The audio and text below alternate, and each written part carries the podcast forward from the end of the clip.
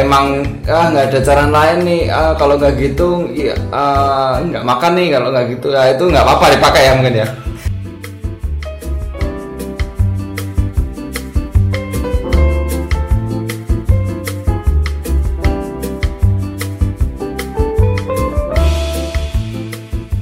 Oh, polisi banyak tentara banyak. Oh, oh pada nyegati yang ini eh, pada yang dari luar kota ya? nah, yang dari luar kota disuruh berhenti suruh nyala aku enggak cuman oh, oke nggak nggak.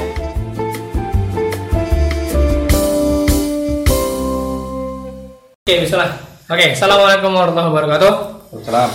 Apa kabar teman-teman semuanya? Selamat pagi, eh enggak deng. Selamat malam, selamat sore, kapan pun, jam berapapun teman-teman dengerin podcast ini. Di sini kita masih masuk di segmen cerita tentang cerita tentang kita ya. Yang di sini kita tuh mau nyeritain tentang cerita-cerita relawan. Mungkin ada yang seru, ada yang lucu, ya kan?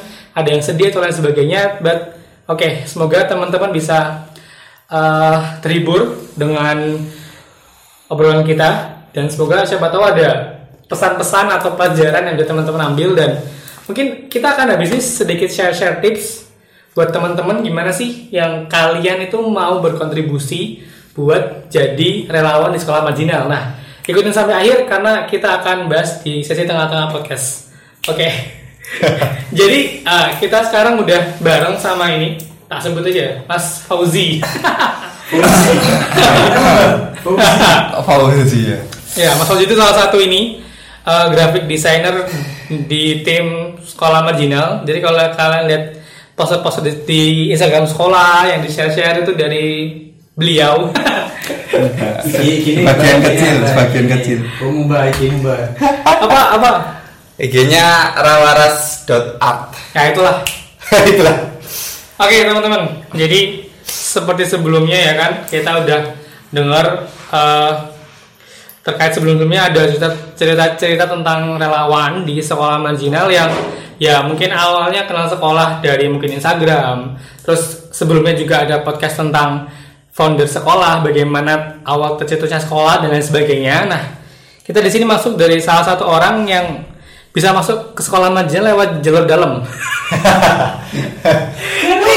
jalur dalam ya karena ya inilah oke mungkin the first the first question aku ngira mas mas Fauzi mas Mas. ah, pertama kali tahu sekolah marginal itu dari mana mas Eh, pertama kali mungkin ini ya. Mungkin dulu dulu waktu ini ngerintis bareng-bareng sama ini Mas Agung Mbak Laila terus Mas ada Mas Ari dan lain-lain. Mas Arif gak disebutin. Sarip ya kan dan lain-lain. Wah semuanya. Oh ya itu pas awal-awal lah pokoknya. Intinya pas ya belum terbentuk sebenarnya cuma dalam wacana ya itu. Oke. cuman cuman sekolah marginal ini udah ada tim inti gitu. Udah ada tim inti dan saya belum masuk tim intinya. Saya, saya belum masuk waktu ada tim inti itu. Kemudian saya pengen dimasukin tuh sama anu sama ini tim inti itu untuk masuk tim inti. Tapi karena eh, mungkin eh, ada Kesibukan. kesibukan lain dan aku nggak bisa jadi ini jadi tim inti. Tapi aku bisa bantu. Bantunya ya lewat eh, ya yang aku bisa gitu. Misal gra- ya graphic design pokoknya yang ya bersangkutan dengan ah, di ranah kreatif gitu. Ranah kreatif misal ngedit ngedit ah, eh, edit edit Foto, edit ini. ah ngedit background banner. background, banner dan lain-lain. Mungkin sebisaku itu bisa aku bantu. Akhirnya kita dimasukin eh kan di tim itu ada inti ya. Inti itu cuma beberapa orang doang. Nah itu aku dimasukin yang ada tim inti apa ya? Tim inti kulit. apa ya koordinator ya namanya ya? Core of the core-nya. Ah, ya itu pokoknya. Kan ada tim inti terus ada tim, yang tim hati. Tim jantung. Tim pokoknya itu ada tim Iya. ya, pokoknya tim yang eh, koordinator koordinator ya. Kamu Iya. ini bagian ini bagian ini gitu. Nah itu nah akhirnya eh, dari situlah akhirnya masuk tim yang itu sebelum terbentuknya sekolah marginal. Akhirnya akhirnya ikut rapat kemudian sampai sekarang. Ya sebenarnya kalau dihitung-hitung bantu saya bantunya cuma dikit sih. Sebenarnya ada satu ini apa eh teman kami tim tim desain bahkan leb- yang lebih berkontribusi sebenarnya ada apa lebih lebih ada banyak gitu daripada saya gitu. Saya cuma bantu cuma bisanya gitu. Terus nih eh, Mas pertama kali denger apa ketika teman-teman mau buat sekolah marginal. Pertama kali itu di pikirannya apa sih kayak, uh gila nih teman gue membuat sekolah, nggak mungkin lu bisa buat atau malah support atau malah gimana? Gimana sih pandangannya? aku mikirnya gini pertama tuh wah ini ini project benar-benar project yang besar nih besar maksudnya kita nggak ada dekengan nggak ada organisasi gede yang yang Menaungi, ya. yang menaungi ya. Jadi nggak ada misal kayak ACT dan lain-lain itu nggak ada. Jadi kita murni berasal dari kita dari dari kita sendiri kesadaran teman-teman sendiri. Bahkan aku salut sama tim inti itu emang benar-benar keren gitu. Udah merencanain jauh-jauh hari sampai sekarang sekolah marginal. Ya bisa dikatakan Belum digusur. nah belum digusur. Ya.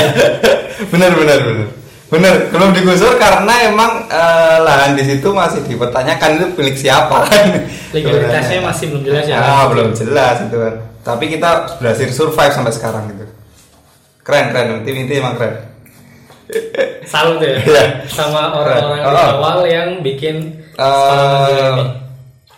berawal dari impossibility gitu berawal dari ketidakmungkinan gitu sebenarnya dari eh, orang-orang yang sebenarnya cuman oh ya bukan siapa siapa berawal dari nobody gitu berawal dari bukan siapa siapa menjadi bisa bantu akhirnya di situ anak-anak dari hmm, warga-warga di situ warga yang kurang mampu kurang mampu. bisa belajar di sekolah Nah. marginal. Nah itu Ya itu yang ada di pikiran saya Kalau ini ah, oke. Saya oke, berarti kan sampean ini ya, Mas. Maksudnya memang nggak langsung banyak terjun ke anak-anak ya. Ada nggak sih eh, kayak hal-hal yang tidak terlupakan ketika kita sosialisasi atau bergaul sama seluruh relawan-relawan di sekolah marginal tuh?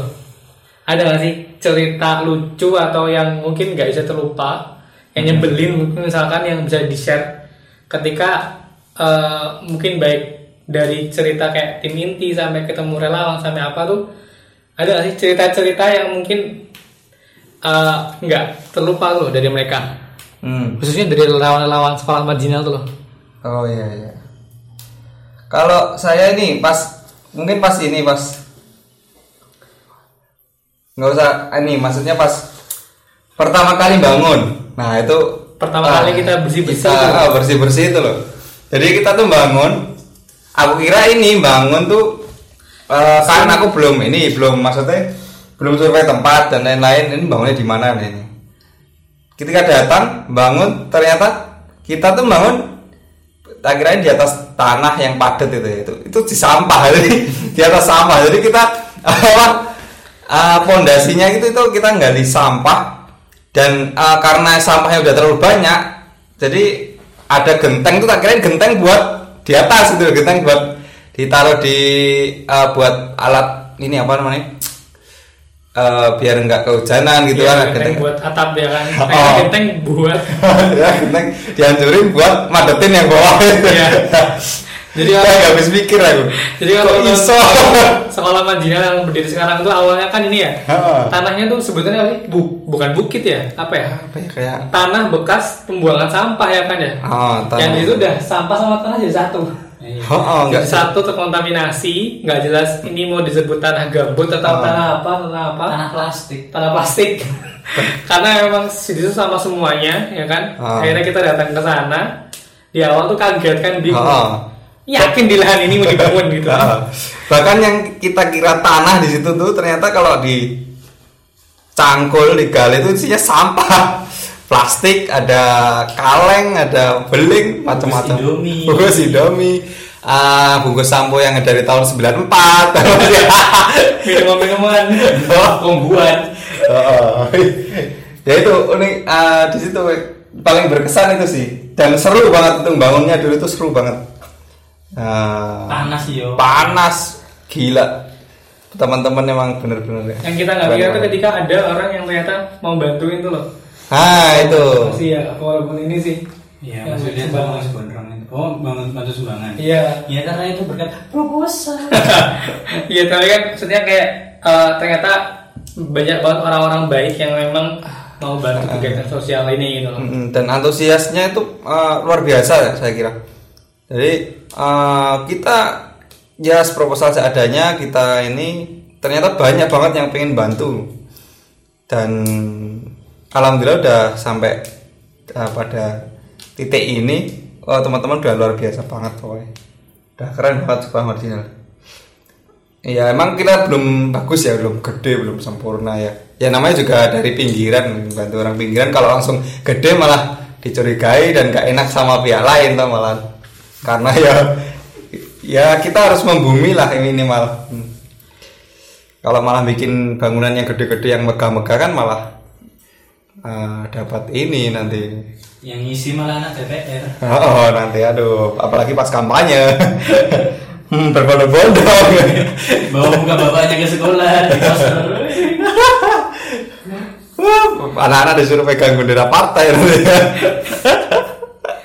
Tapi kalau pengen bahas itu kayak part yang paling nggak terlupa tuh menurutku ini sih masalah di sekolah. Ah, Sekolah Panjenengan tuh bisa sampai sekarang bertahan itu nggak mungkin ibarat kata pohon cuma tumbuh di angin yang biasa-biasa aja gitu. Hmm. Ada masa di mana angin itu benar-benar angin yang kuat dan sampai bisa hampir uh, ngancurin si pohon itu gitu. Dan sebelumnya kalau teman-teman tahu, dulu kita juga pernah kena satu masalah sebenarnya. Satu Iya, masalah di uh, mungkin ya ini internal kita juga ada yang miskomunikasi dan lain sebagainya. Tapi jujur nek menurutku waktu itu ini malah masalah yang bikin kita makin dewasa sih. iya iya benar. Nek menurutku apa ya mas? Delmo. Itu Ya, itu intinya sekolah mau dibakar. ya, intinya kita hampir diambang sekolah mau Hancur. hancur lah, mau berhenti, Iya. mau dirobohkan lah itu. Kayak gini nih, orang tua ya misal analoginya orang tua. Orang tua ini kita anak satu nih punya dua orang tua. Yang satu janjiin ini, eh, ternyata ah, kemudian dia yang ibunya mungkin janjiin macam-macam terus anaknya ah, akhirnya karena pas ibunya keluar mungkin nagih ke bapaknya pak katanya beliin ini siapa bilang? gitu kan. Siapa bilang? Siapa bilang? Nggak pernah kok. Oh, bapak ibu mau beliin kayak gitu. Akhirnya kan bapak, anaknya protes dan ngamuk-ngamuk kemudian ah, dan ah, miskomunikasi akhirnya anaknya pengen ah, kabur aja nggak mau jadi anu apa nggak mau di rumah gitu pokoknya gitu. Da- dari situ kan orang tua pasti pusing kan dari Iya. hmm, di- piye anakku ngene iki? Hmm, kayak gitu. Jadi di eh, dan mungkin itu yang membuat kita ternyata setelah kita diskusi akhirnya bapak ibu dan anak itu kumpul bareng kita ini eh, memberi pemahaman ke anak itu dan akhirnya bisa memahami. Dan ternyata di oh itu oke itu tanda rezeki. Gak ada yang Dokternya ingin ikut podcast. ternyata setelah kita kumpul sama warga ternyata warga tuh malah lebih dewasa ternyata. Daripada yang kita bayangkan kita malam itu aku udah Agong nelpon aku itu sama di telepon nelponnya sama Mbak Lela juga, juga. Eh, sama Agong juga ya. Sama Mas Alvin juga ini. Malam-malam udah panik. Iki wes as pokoknya eh, siap-siap aja mau bentrok gitu kan intinya gitu. Siap-siap bawa intel. ya siap bawa polisi dan lain-lain kita udah takut karena emang warga di sana kan kita ngelihatnya mungkin karena kita kurang dekat sama warga sana jadi kita ngiranya warga di sana tuh ngeri-ngeri gitu ternyata pas mediasi ah, mediumisasi apa tuh jadi apa ya kayak Ya media. Sharing pendekatan ah, ya. sharing lah pokoknya minta penjelasan gimana sih Tabayun, Klarifikasi tabayun, sih, klarifikasi. nah kalau istilah enggak enggak musyawarah anu Klarifikasi isi- ah, Klarifikasi. Eh, sebenarnya maunya apa ternyata Akhirnya ketemu. ketemu permasalahannya dan akhirnya mereka paham dan mereka bilang ah enggak kita enggak segitunya gitu ya masa mau dirobohkan gitu kan ke sekolahnya Ah, bahkan kalau bilang kalian kok bilang Walaupun, iya. maksudnya ya maaf itu mungkin kita pas lagi emosi Oh, keceplosan oh gitu ya. Tapi kan nggak segitunya mereka Iya, bilang kan gitu. segitunya. Tapi cuman mereka malah mengharapkan kita eh, jangan cuman karena itu kalian menyerah gitu kan Itu Mas Willy ya. iya iya iya tapi kalau tapi kadang kalau dipikir logika sebenarnya perkataan mereka masih bisa jadi fakta sih. Maksudnya bisa di- jadi realita sih. Hmm. karena kan ya kita tahu dengan berhadapan dengan orang siapa kan mungkin nggak mungkin jadi mungkin. Iya iya. Oh. well kira-kira nih mas dari kejadian itu nih apa sih apa sih apa ya kayak ada nggak sih pesan-pesan kehidupan mas dari kejadian itu. Yang bisa kita ambil dari kejadian itu nih. Dan supaya ke depannya nggak ada lagi. Hmm, ya. Gimana ya?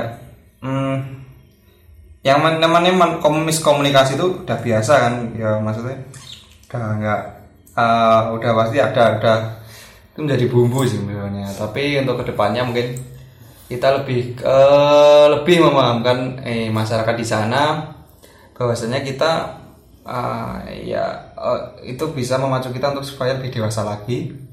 Kemudian lebih dekat lagi sama warga supaya kita bisa tahu ini maksudnya eh, warga maunya apa enggak bukan warga maunya apa karena kita bukan fasilitator gitu kan.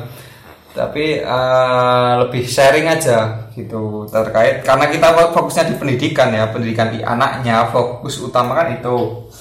Jadi eh, kita kayak bisa bisa lebih eh, memahamkan warga bahwasanya ah um, fokus kita tuh cuma di situ dan untuk yang lain-lain eh, kita bisa omongkan kita bisa obrolkan gitu eh, terkait macam-macam selain itu gitu. Kalau misal apa ya Kalau misalnya ada masalah lagi gitu ya? Ah, kalau misal ada masalah lagi kan supaya nggak terjadi Supaya hal yang terjadi. tidak diinginkan. Ah, ah, yang nggak diinginkan gitu. Karena di sana kan warga nggak cuma satu. Warga ada banyak dan banyak setiap pikiran Mm-mm, banyak tiap pikiran dan individu punya ah, tiap individu punya pemahaman masing-masing. pemahaman masing-masing terkait kita. Ada yang pro Mm, terkait kita. Bahkan eh, sudut pandang mereka ter- terhadap kita pun beda-beda. Mungkin mereka ada yang eh, melihat kita tuh bakal mensejahterakan mereka. Ada yang melihat ada yang melihat kita itu bakal eh, penyelamat bagi anak-anak mereka gitu. Ada yang melihat kita mereka malaikat buat mereka. Malaikat bagi mereka. Ada yang lihat kita itu sebagai fasilitator mereka kan? Ya namanya juga orang kan beda-beda. Jadi mungkin ah, lebih ini aja sih lebih sering ngobrol sama warga aja sih biar nggak kemiskom lagi dengan pendekatan ya oh lebih gitu tadi ada tambahan mas Apa? Oke, sesuai yang aku janjiin dari di awal nih, karena aku bakal nyebutin tips-tips supaya teman-teman bisa berkontribusi di sekolah marginal. Entah itu jadi pengajar atau mungkin tim projectnya. Mungkin ada yang masuk ke bagian humas, ada yang mungkin bisa masuk ke bagian sekretaris, bendahara atau tim multimedia dan lain sebagainya. Jadi founder langsung akan jawab. Kira-kira Mas, apa sih tipsnya buat teman-teman yang mau gabung di komunitas sekolah marginal? Ya, jadi setelah pandemi kita akan buka ini sih, buka oprek baru. Karena kita setelah pandemi ini juga udah punya plan ke depan, kayak buka sekolah di tempat baru. Habis itu juga kita ngajar langsung ke titik-titik di mana ada orang tua yang ingin anaknya tetap bisa belajar. Tapi kita nggak bikin bangunan fisik di sana, cuma kayak ngajar privat anak tersebut gitu. Jadi kita butuh relawan yang bisa dikirim ke sana. Berarti pertama-tama nih buat teman yang pingin teman-teman yang pingin gabung komunitas sekolah marginal adalah tunggu info dari open recruitment. Yo, Kira-kira bulan ini atau kapan mas? Ada waktu tepatnya? Masih dirahasiakan. ya jelas. Intinya teman-teman kalau di Instagram, di Instagram kalian pantengin terus ya. Karena di Instagram tuh dalam waktu dekat ini aku akan sering share terkait bersinergi bersinergi bersama dalam kebaikan itu sebenarnya ini woro-woro buat teman-teman kalau sebenarnya sekolah akan buka open recruitment buat relawan. Jadi bagi yang mau tetap pantengin terus eh, diaktifin notifikasi postingan, aktifin notifikasi post, aktifin notifikasi story-nya biar nggak ketinggalan. Terus nih mas, setelah nih, setelah teman-teman tahu dan daftar ke, di open recruitment itu, apa sih yang harus mereka lakuin? setelah daftar? Ya ngisi persyaratan lah. Ngisi Maksudnya tips ngisi persyaratan atau tips gimana sih biodata yang harus mereka siapin supaya keterima dan masuk ke list interview kita? Ya intinya kan ketika kita bawa open re- rekrutmen ini kan jelas kayak ada persyaratan yang harus dibawa atau persyaratan yang harus dilengkapi. Ya itu dilengkapi di bawah. Ya kalau dari awal udah gak melengkapi dan gak bawa ya, ya kita kita ya jelas lihat itu sebagai bentuk tidak ketidakseriusan. minimal lengkap data aja lah. Iya, datanya lengkap gitu aja. Terus ketika interview, ya anda nggak usah kebanyakan bacot lip service gitu lah kita kita ini udah orang yang sering ya, datang sama orang. Kita tahu bahasa bahasa lip service. Kita tahu orang-orang yang cuma ingin memuaskan pendengarnya kita nggak butuh itu kita cuma butuh orang yang benar-benar aku ingin ngajar anak-anak karena aku gabut atau aku ingin ngajar anak-anak karena ya itu passionku gitu jadi nggak usah dibuat-buat kayak saya ingin membuat jadi kayak misalkan kamu, misalkan jujur aja, misalkan suatu ketika, mas aku pengen ngajar anak-anak karena aku pingin ngisi kekosongan. ya Iya, kan? kayak gitu aja. Jadi Terbuka aja. Nah, kebanyakan beberapa yang tak terima khususnya itu yang jujur gitu loh ya. Aku nggak mau ngapa-ngapain masih kos gitu. daripada gabut gak ada kegiatan ya nggak- nggak mau aja. Jadi karena justru sebenarnya itu sih yang bikin belief kita sih kayak orang kalau udah terbuka di awal pasti komunikasinya akan enak gitu kan. Iya, jadi kayak beberapa kasus kayak ini nih kayak eh, salah satu relawan kita yang udah sangat berumur gitu kan. Nah, berumur gitu. Eh, boneka kan berumur cuy. Ya. Empat puluh gak sih? Iya, iya, Nah, iya. so, intinya- udah punya anaknya kan seumuran kita yang kita yang kita pertuan eh yang kita tuakan lah ya dia daftar pertama. Dia nggak nggak tak lihat CV-nya ya tak lihat sih maksudnya kelengkapan berkasnya. Terus pertanyaannya ya ini cuma eh, lebih ke ini aku kayak cocok gak sih aku sama orang itu? Maksudnya enak gak sih diajak komunikasi? Dan sampai sekarang kan dia tetap bersama kita. Jadi intinya communication itu penting banget. dan Boneka datang itu bilang saya diterima ya oh enak sekali intinya nggak perlu banyak janji nggak Iya, perlu banyak janji, bacot semua. Obral obral bilang, Saya ingin eh, perkatakan dan saya ingin selalu membantu anak-anak. Buktinya orang-orang yang ngomong kayak gitu sekarang nggak ada gitu. Iya. Dari batch satu, batch dua, mana cuy? Oke, terus ketika udah interview ya kan, terus itu langsung keterima ada apa ada tahap uji coba sih? Ya, ya ini kita ya yang interview musyawarah Hmm. siapa aja yang diterima. Tapi mungkin untuk batch ketiga spesialnya kita akan melakukan makrab. Jadi sebelum ngajar kita makrab di entah itu di Kaliurang atau berapa tiga hari dua malam. Untuk micro teaching. Yoi karena biar kenal gitu loh kan karena kan kita pakai sistem shift ya lucu aja gitu kalau kita nggak bisa ngajar terus minta tolong teman kita buat ngisi shift kita tapi nggak kenal ya kan harus kenalan Karena bagaimanapun juga teman-teman yang mungkin biasa ngajar anak PPA, ngajar anak biasa, bakalan agak sedikit kaget sih ketika bertemu dengan anak-anak dari sekolah marginal ini. wah nggak sangat kaget Hmm. Oke, jadi tadi ya teman-teman intinya kayak gitu. Pantengin terus Instagramnya, aktifin notifikasi postingannya, aktif aktifin notifikasi storynya, jangan sampai ketinggalan. Dan sebelum terakhir nih, sebelum ditutup, Mas Fauzi, ya tuh, jadi Mas Fauzi ini cerita ceritanya lucu ya. Masuk ke Jogja, nyamar jadi petani. jadi gini kemarin kemarin tuh ini bingung kan suruh pulang sama orang tua kan. "Kamu masa lebaran nggak pulang gitu kan? Lu bingung dah kan di kalau di rumah suruh karantina menerima 14 hari bakal kan aku ada ini ada kesibukan lagi kan di Jogja masih ini masih ada banyak tanggungan gitu loh tapi kalau nggak pulang nggak pulang nggak ini ya orang cuman deket kan pacitan. Ya sebenarnya jangan dicontoh sih sebenarnya. Karena kan apa ya kayak seharusnya harusnya ya ini apa namanya ya mema- mematuhi peraturan yang sudah diberlakukan gitu seharusnya. Tapi kalau memang terdesak dan eh, emang ah nggak ada cara lain nih ah, kalau nggak gitu ya, ah, nggak makan nih kalau nggak gitu ya itu nggak apa-apa dipakai ya mungkin ya ya kayak kamu harus masuk ke Jogja gara-gara kucingmu di kosan gak ada yang ngasih makan. Gitu, dulu tuh kemarin tuh gini jadi pulang. Aduh pulang nganunya di pas eh, banyak yang ngomong ini apa namanya di perbatasan ada yang ini ada polisi ada satpol pp dan lain-lain ini harus pendataan gitu pendataan. Jadi kalau aku masih masuk Pacitan masuk Jawa Timur itu eh, didata di situ di posko. Aku tanya-tanya ke temanku di Pacitan eh, di situ didata eh, ber- eh, namanya siapa kemudian rumahnya di mana eh, kemudian masuk tanggal berapa. Nanti mereka pantau itu kita tuh kita kita tuh mereka pantau jadi ODP intinya dari ODP kemudian kalau keluar lagi dilihat lagi catatannya kamu masuk tanggal berapa dan ini mau keluar itu tanggal berapa. Kalau belum sampai 14 hari nggak boleh keluar nggak boleh keluar pacitan karena itu udah jadi ketentuan bahwasanya ODP 14 hari itu Harus stay di rumah. harus stay di rumah karantina mandiri. Dan kalau uh, gitu aku di rumah nggak ngapa-ngapain nggak produktif dan apa, nggak ada uang. nggak dapat pemasukan. Nggak ada THR coy. Aduh. THR seret. Habis itu ya udah inisiatif kemarin ada yang usul sih kamu pulang ini aja pakai baju mau nyari rumput.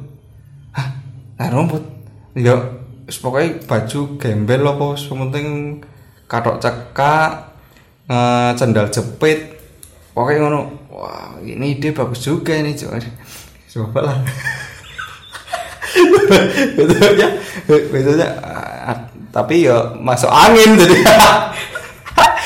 nggak pakai jaket coy beliau oleh-oleh bakpia ya bakpia tiga kardus masukin buntel-buntel sarung masukin kresek udah. Nggak pakai jaket pakai sarung digubetin di leher. Jalan. Ya kan orang lihatnya oh ini penduduk asli nih dilewati. Itu ada pakai baju, cuma celana pendek gitu.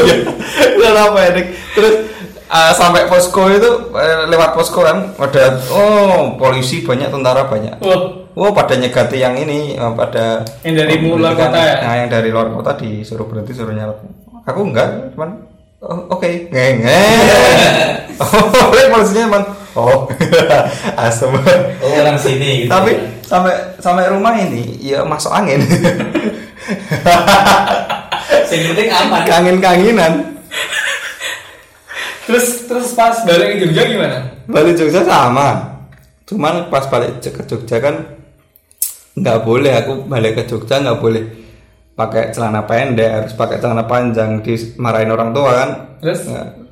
ya udahlah dikasih jaket sama bapak bapak jaket tipis-tipisan tapi ya, pas masuk Jogja kan itu eh, udah eh, covid apa Udah agak mereda ya? agak mereda jadi cuman ada posko suruh berhenti di tes apa namanya tes suhu itu udah habis itu suruh lewat.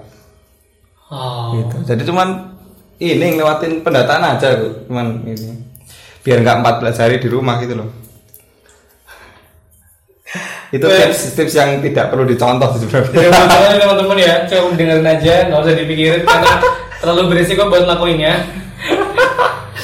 ya, apa pun di mana pun kalian berada sekarang ya, buat kalian teman-teman yang Jogja yang udah nakal, udah sering keluar-keluar, karena udah bosan di rumah aja, aku ucapkan selamat. Tapi tetap stay safe ya, tetap tetap, tetap bersih tetap, tetap bersih, cuci tangan tetap virus itu masih nggak akan terlihat oleh kita ya. Pakai masker. Oke. Demikian dari kita. Ada kurang lebih yang mohon dimaafkan. Semoga bermanfaat. Kita tunggu kontribusi kamu di sekolah majikan bareng kita. Selamat dan salam sinergi kebaikan. Demikian. Assalamualaikum warahmatullahi wabarakatuh.